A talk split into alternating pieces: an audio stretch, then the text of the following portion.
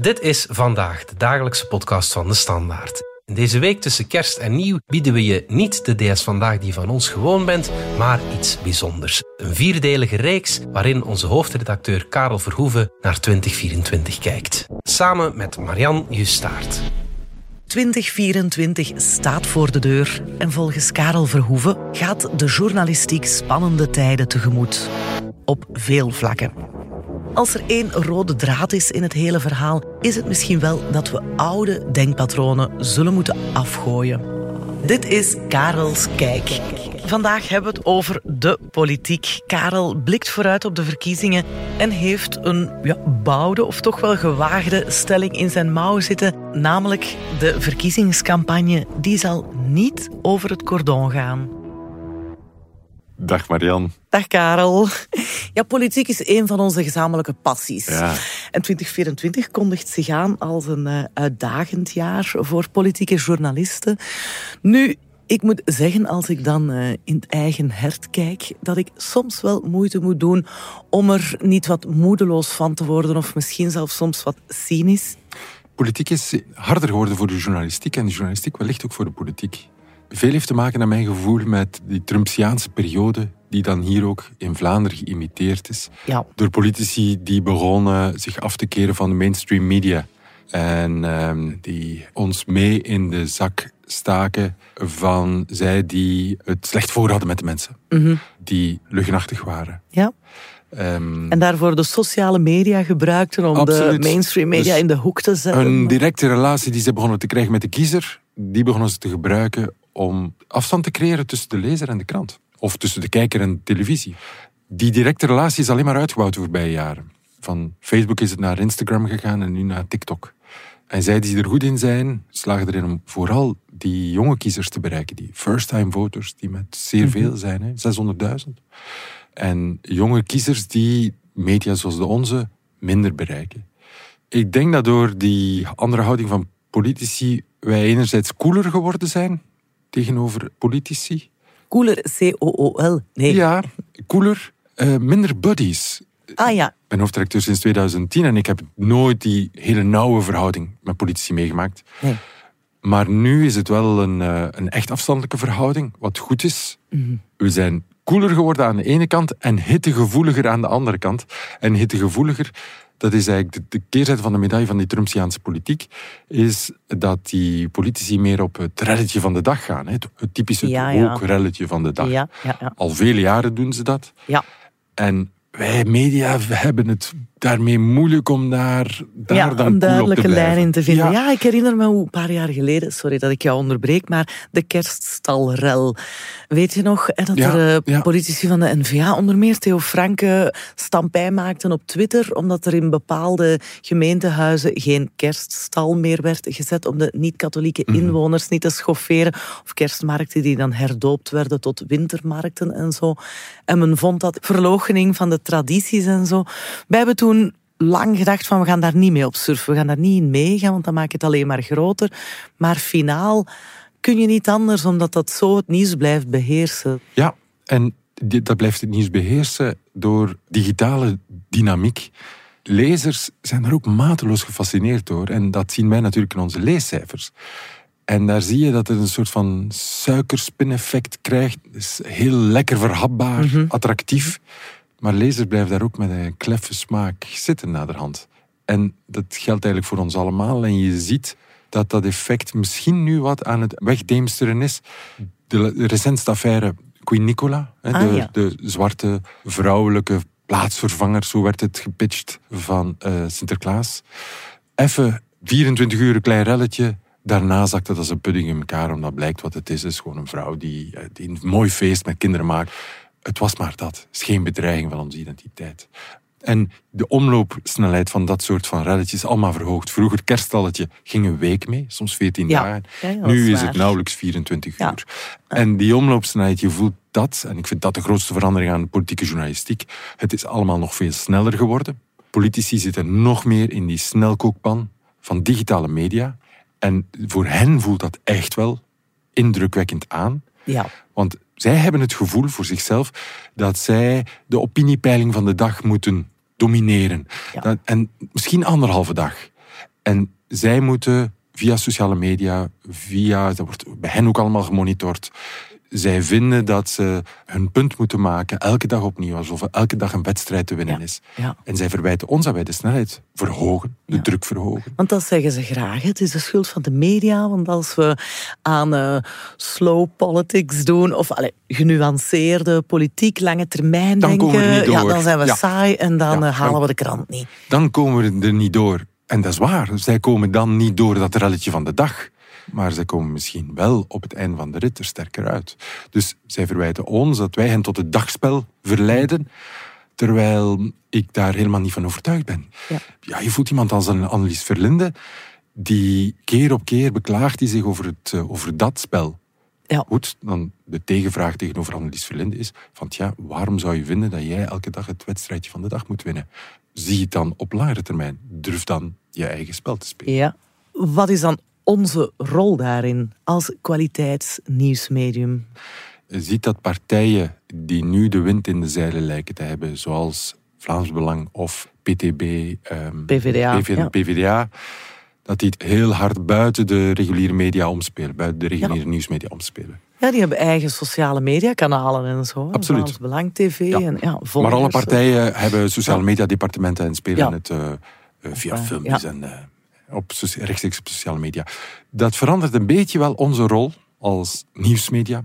In die zin dat wij nog meer onze rol van eh, realiteitscheck moeten spelen. En de realiteitscheck op een aantal vlakken.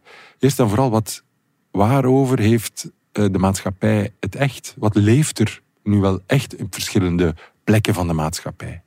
Dat wijkt wel eens af van waar politici graag hebben dat Ja, het over, ja, ja. over gaat. Ten tweede vind ik het heel belangrijk om te wijzen, wat heeft er echt een oplossing nodig? Waar brandt het?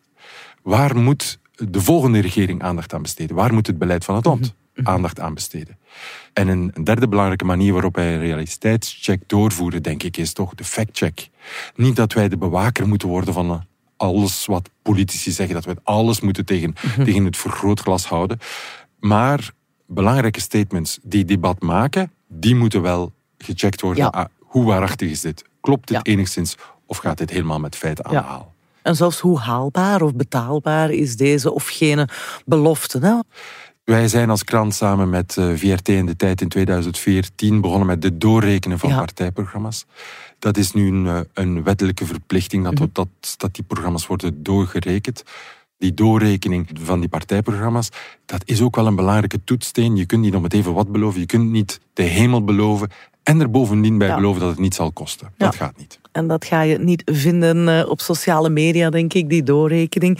Nu, je zei het al, de extreme partijen Vlaams Belang, PvdA, zij zijn de meesters eh, van de sociale media. Zij zijn ook de oppositiepartijen, die bij uitstek natuurlijk eender wat kunnen zeggen wat ze willen. Hoe gaan we daarmee om? Zijn wij extra kritisch voor die partijen? We zijn bij uitstek kritisch eerst en vooral voor beleidspartijen. Ehm, dat je daar meest grond onder de voeten hebt. We gaan doorlichtingen maken van wat hebben de verschillende regeringen gerealiseerd. Wat beloven ze, hoe realistisch is het als ze volgende keer opnieuw beleid willen. Van oppositiepartijen als media ben je toleranter voor wat ze als uitdaging op tafel gooien. Precies omdat het voor een democratie belangrijk is dat er uitdagers zijn, dat er alternatieven op tafel gegooid worden. En die, dat mogen best wel wilde programma's zijn. Mag de consensus, de status quo, die mag wel uitgedaagd worden. Maar er is een grens ook van feitelijkheid. Omdat het basisprobleem van België is wel dat er heel weinig geld nog in de staatskas zit. Dat het, het overheidstekort enorm is. Als je dus nu nieuwe initiatieven aankondigt, ja, dan moet je dat wel binnen de beperkingen kunnen realiseren. Of je, toch, je moet kunnen aantonen dat dat enig, enigszins, enigszins kan sporen met de toestand van de overheidsfinanciën. En bijvoorbeeld als het gaat over migratie, wat dan een heel belangrijk thema wordt eh, dat Vlaams Belang zal proberen te claimen, daar zal toch nodig zijn, past het, want in Nederland nu de discussie is, past het nog wel enigszins binnen de grondwet? Past het nog maar enigszins binnen de Europese engagementen die we genomen hebben? Toen ik mijn carrière begon, 15 jaar geleden, nee, goh, bijna 20 jaar geleden bij De Morgen, toen gold daar alvast een cordon mediatiek. Dus de mensen van het Vlaams Belang werden niet geïnterviewd. Bij de Standaard werd dat wel gedaan. En nog altijd eigenlijk. Hè. Wat is onze lijn daarin, Karel? We hebben aan Vlaamse kant geen cordon mediatiek, wat men aan Franstalige kant wel heeft. Ja, inderdaad. Met cordon mediatiek bedoel ik, er komen geen politici van uiterst rechts aan het woord. Dat is niet zo in Vlaamse media. Dat is zeker niet zo geweest in de standaard. Wij hebben in de loop van de jaren vaker interviews gehad met eh, belangrijke Vlaamse belangers. Nu is het al een tijd geleden en ik sluit helemaal niet uit dat we tijdens de campagne wel zullen doen. Uh, wij laten Vlaamse belangers al vaak in stuk aan het woord, uh, bijna elke dag als het over hen gaat. Wat er wel veranderd is, is hun relatie tot waarheid en waarachtigheid. Je ziet dat in de meest extreme vorm, niet toevallig, bij Vlaams Belang. En je ziet daar iets Trumpiaans gebeuren. Wat naar mijn gevoel het belangrijkste is, op vlak van waarheid, van het Trumpiaanse tijdperk, dat is dat het niet meer gênant is om te liegen. Het mm -hmm. is niet erg meer ja, ja. om iets te zeggen wat je en wat nergens op slaat. En bovendien, de volgende dag spreek je totaal tegen en oh, heb je het over iets anders. Alsof er niks gebeurd is. Alsof er niks ja, gebeurd is. inderdaad. En als je zo in politiek gaat staan, dan wordt een genre, bijvoorbeeld als het interview, een toch wel raar genre, omdat wij gaan ervan uit dat wij in een scherp interview met het mes tussen de tanden een politicus naar een punt van mm -hmm. waarachtigheid kunnen drijven. Maar als die politicus n'importe quoi kan zeggen mm -hmm. en de volgende dag het tegendeel kan zeggen, dan is jouw interview een Ja. genre dat niet Ja. naar waarachtigheid leidt. Maar geldt dat alleen voor het Vlaams Belang? Je merkt dat het interview als politiek genre ja, flink wat pluimen gelaten heeft tegenover vroeger. En, maar dat komt dan door iets anders nog, denk ik. Namelijk dat al die politici overscripted zijn. Ja, de Zij elk- ja, voilà, ja, dat op elke, op, bij- bijna op elke vraag al een standaard antwoord klaar dat je al tien keer gehoord hebt, waardoor dit geen waarachtig gesprek Mhm. meer is. En dat maakt het gesprek gewoon minder interessant. En dus moeten wij andere genres vinden. Wij doen nu veel meer profiles en themastukken, achtergrondstukken. Wij gaan mee op campagne. Dus je, je zoekt andere manieren om te doorgronden wie is die vrouw of man Mhm. die zich verkiest. Wat wil die? Wat gaat hij doen met macht? Hoe zit hij in elkaar? Ja. En dat zullen wij even goed op het Vlaams Belang toepassen als op een politicus van, eh, op een VLD, CD&V, noem maar op. Als we de peilingen mogen geloven, wordt het Vlaams Belang straks de grootste hè, aan Vlaamse kant. Nu, misschien eerst even, geloven wij de peilingen, Karel? Ja en nee. Dat is een tjeven antwoord. Ja, wel. ja, nee, laat ik met de nee beginnen. Nee, eh, wij geloven helemaal niet dat de peiling een voorspelling is van de verkiezingsuitslag. Intussen zijn we veel wijzer geworden en hebben we gezien door veel buitenlandse uitslagen. Neem nu de recentste Nederlandse verkiezingen. We hebben gezien dat campagnes een enorm verschil kunnen maken. Godzijdank, anders hadden we het niet moeten hebben. Mhm. En dat wat je peilt een maand voor de verkiezingen helemaal anders kan zijn dan de verkiezingen zelf. Niet omdat de peiling noodzakelijk slecht was, maar omdat de stemming onder de bevolking veranderd is, omdat de campagne een verschil maakt. Dat was wat in Nederland Ja, aan de hand ja, was. ja. En dat zou heel goed kunnen zijn hier. En dat is de belangrijkste reden waarom ik vind dat wij met z'n allen ook wel omzichtig moeten zijn met het thematiseren van Vlaams Belang wordt de grote winnaar van deze verkiezingen. En deze hele campagne dus nu nog de komende maanden dag na dag de vraag te stellen, wordt het Vlaams Belang de, grootste winnaar, Mhm. de, de grote winnaar van de verkiezingen? Dat is namelijk wat Vlaams Belang, wat zij het liefst zal hebben, Ja, dat het over hen gaat. ja. Terwijl je kunt het ook omdraaien. Je kunt ook denken, Vlaams Belang, de peilingen zetten nu goed 25 procent. Doe er een paar procent meer of minder. Wat gaat er gebeuren met die 75 andere procenten? Want daar zal een grote verschuiving plaatsvinden. Het spannendste wat er tijdens deze verkiezing zal gebeuren, is wat zal er met die andere 75 procent gebeuren? Wat zal dat midden herverkaveld worden? Je hebt gezien dat de spanning op dat midden toeneemt. Dat hebben we gezien in Vivaldi Ja, ja. en in de Vlaamse regeringen. Die partijen zitten zo dicht bij elkaar. Kluitje, ja. Een, Voilà, zero-sum game, hè. Ja. ze geraken onder de 10%, omdat er minder stemmen overblijven, waardoor de spanning tussen die partijen toeneemt, regeren moeilijk wordt en er eigenlijk een herijking van dat midden nodig is. Er moeten eruit vallen. Vorige verkiezingen is dat niet gebeurd. Misschien gebeurt dat wel in deze verkiezingen. Peilingen wijzen daarop dat bijvoorbeeld Open VLD het moeilijk heeft, maar laten we zien en afwachten. CD&V had het twee jaar geleden heel moeilijk. En die, die spanning in het centrum heeft er alvast voor gezorgd dat bijvoorbeeld bij Vooruit of bij CD&V alle geplogenheden overboord gegaan zijn en men gekozen heeft voor jonge voorzitters die het helemaal anders aanpakken, maar echt drastisch anders. We hebben gezien bij vooruit dat daar ook gevaren aan verbonden zijn. Maar nu zitten we in een situatie dat een jonge vrouw als Melissa, de Prater, ja. 30 jaar oud, nauwelijks een paar maanden in functie, dat zij het midden, het politieke midden moet gaan redden. Ja. Als dat geen uitdagende beginpunt is van verkiezingen, ja, dan, dan, dan weet ik het ook niet. Hè? Dus ik hoor zeggen, er gloort wel degelijk hoop, want we gaan daar hoe dan ook in dat midden, in dat centrum, een beweging krijgen. Wel, kijk naar de buurlanden en het is daar ook gebeurd. Kijk naar Macron, nu een paar jaar geleden. Een paar jaar geleden. Ja, kijk naar wat er in, in Nederland, hoe die, die figuur van die Pieter Omtzigt plotseling opkomt en pal in dat midden gaat zitten met een heruitgevonden christendemocratie. Basically was het dat. Hè. Hier is dat iets moeilijker door technische regels over hoe die verkiezingen geregeld zijn. Dat je niet, bij ons is het provinciaal geregeld en niet nationaal, waardoor één figuur niet overal kan opkomen.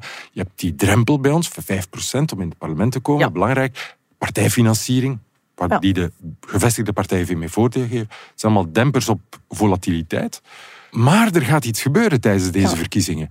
De kiezer zal de kaarten herschudden en misschien zal het deze keer wel grondig zijn. En gebeurt waar Bart de Wever op hoopt dat er een partij uitgaat, dat er een clustering van stemmen komt in één partij. Misschien is het wel een clustering bij N-VA, of misschien gaat de kiezer een hele andere richting uit. Dat vind ik een spannender beweging om naar uit te kijken tijdens deze verkiezingen. Dan voortdurend de vraag te blijven stellen: wordt het 24 of 26 procent? Wat natuurlijk, laten we niet naïef doen, samenhangt met de vraag: Vlaamse regering, Vlaams Belang en VA zullen zij een, een, een meerderheid, meerderheid hebben. Natuurlijk, ja, ja, ja, Maar we zijn nu, we zitten met China Gate van Vlaams Belang. Je ziet een week in de politiek, en soms vandaag nog in de krant, hoe lang een week in politiek kan mhm. zijn. Laten we daar allemaal niet op vooruitlopen over wat er wel of niet mogelijk is. Zeg je nu dat Vlaams Belang volgens jou dus sowieso niet gaat regeren? Ik denk als we toch moeten speculeren, vind ik dat een realistische speculatie dan speculatie dat ze wel aan de macht zouden komen. Dat cordon bestaat nu al meer dan 30 jaar. En als het zou gebroken worden, dan hebben we nog wel een heel andere gevolgen. Namelijk, dan zal de NVA dat ook niet overleven. Ah, nee, nee. En dan zal België ook niet meer kunnen bestaan. Dus dan kom je in een totaal nieuw politiek tijdperk. Ja. Ja. En tot dat gebeurt, zal de vraag wat doet NVA met Vlaams Belang altijd wel een belangrijke vraag blijven in deze campagne. Maar ik zou het wel heel sneu vinden voor deze campagne. Als alles alleen daarover gaat, over dat stuk speculatieve politieke journalistiek. Ja. Laten we het toch vooral hebben over de grote issues die moeten aangepakt worden. Laten we uitkijken naar nieuwe ideeën, nieuwe mensen die kunnen beklijven, die er bovenuit kunnen komen plotseling. Die iets doen kunnen dromen. Voilà, die doen dromen. Verkiezingen gaan over de toekomst, niet over het verleden. Dus wie brengt ons verder? En ik hoor het je zo graag zeggen, maar zie jij er zo? Hmm. Want uh, zo een van die figuren die nog uh, inspireerde en kon doen dromen, is wel uh, onlangs vertrokken. Hè? En ik heb het over Conor Rousseau, uiteraard. Hè? Dat was toch iemand die ongeziene dingen deed met een partij. We zullen zien hoe Melissa de Prater er doorkomt. Je ehm, moet kijken hoe die ministers die onverkozen waren. Het is wel, Ik vind het best spannend hoe ah, Annelies Verlinde, uh, Paul van, van Tichelt, Nicole de Moor, hoe zij het zullen doen in de campagne in de mhm. verkiezingen. Ik vind het een, wel een pittige vraag of uh, Petra de Zutter op haar eentje dan groen overeind zal houden. Of uh, Jan Jambon, hoeveel electorale potigheid Jan Jambon nog, nog zal kunnen ontwikkelen. Kijk naar Open VLD. Fantastische story wat daar zal gebeuren. En of daar iets, nog wel iets ontstaat. En of de premier het op zijn eentje gaat kunnen doen. Of dat nog enigszins geloofwaardig zal zijn of helemaal uitgespeeld zal zijn. Mhm. Dus ja, heel veel prikkelende vragen. Waarbij, naar mijn gevoel, nog nooit eerder zoveel open lag tijdens de campagne. Qua figuren, qua partijen, als nu. Absoluut.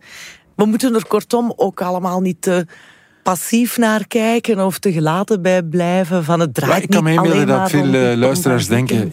Jezus, de voorbije jaren hebben we toch een ander uh, dystopisch spektakel gezien dat uh, afstoot bij momenten. En dat is waar natuurlijk. Dat mhm. kun je hier niet ontkennen. Uh, maar we moeten ook wel de antipolitieke... De neiging om alleen maar negatief en antipolitiek te kijken... die moeten we ook bij onszelf ook wel even counteren. Dat is mhm. wat ik nu proberen te doen. Voilà. En we hebben allemaal een stem. Kijk, bij mij is uh, het cynisme alweer wat geslonken. Of uh, de, de moedeloosheid alweer wat geslonken. Karel, hartelijk bedankt. Marian, graag.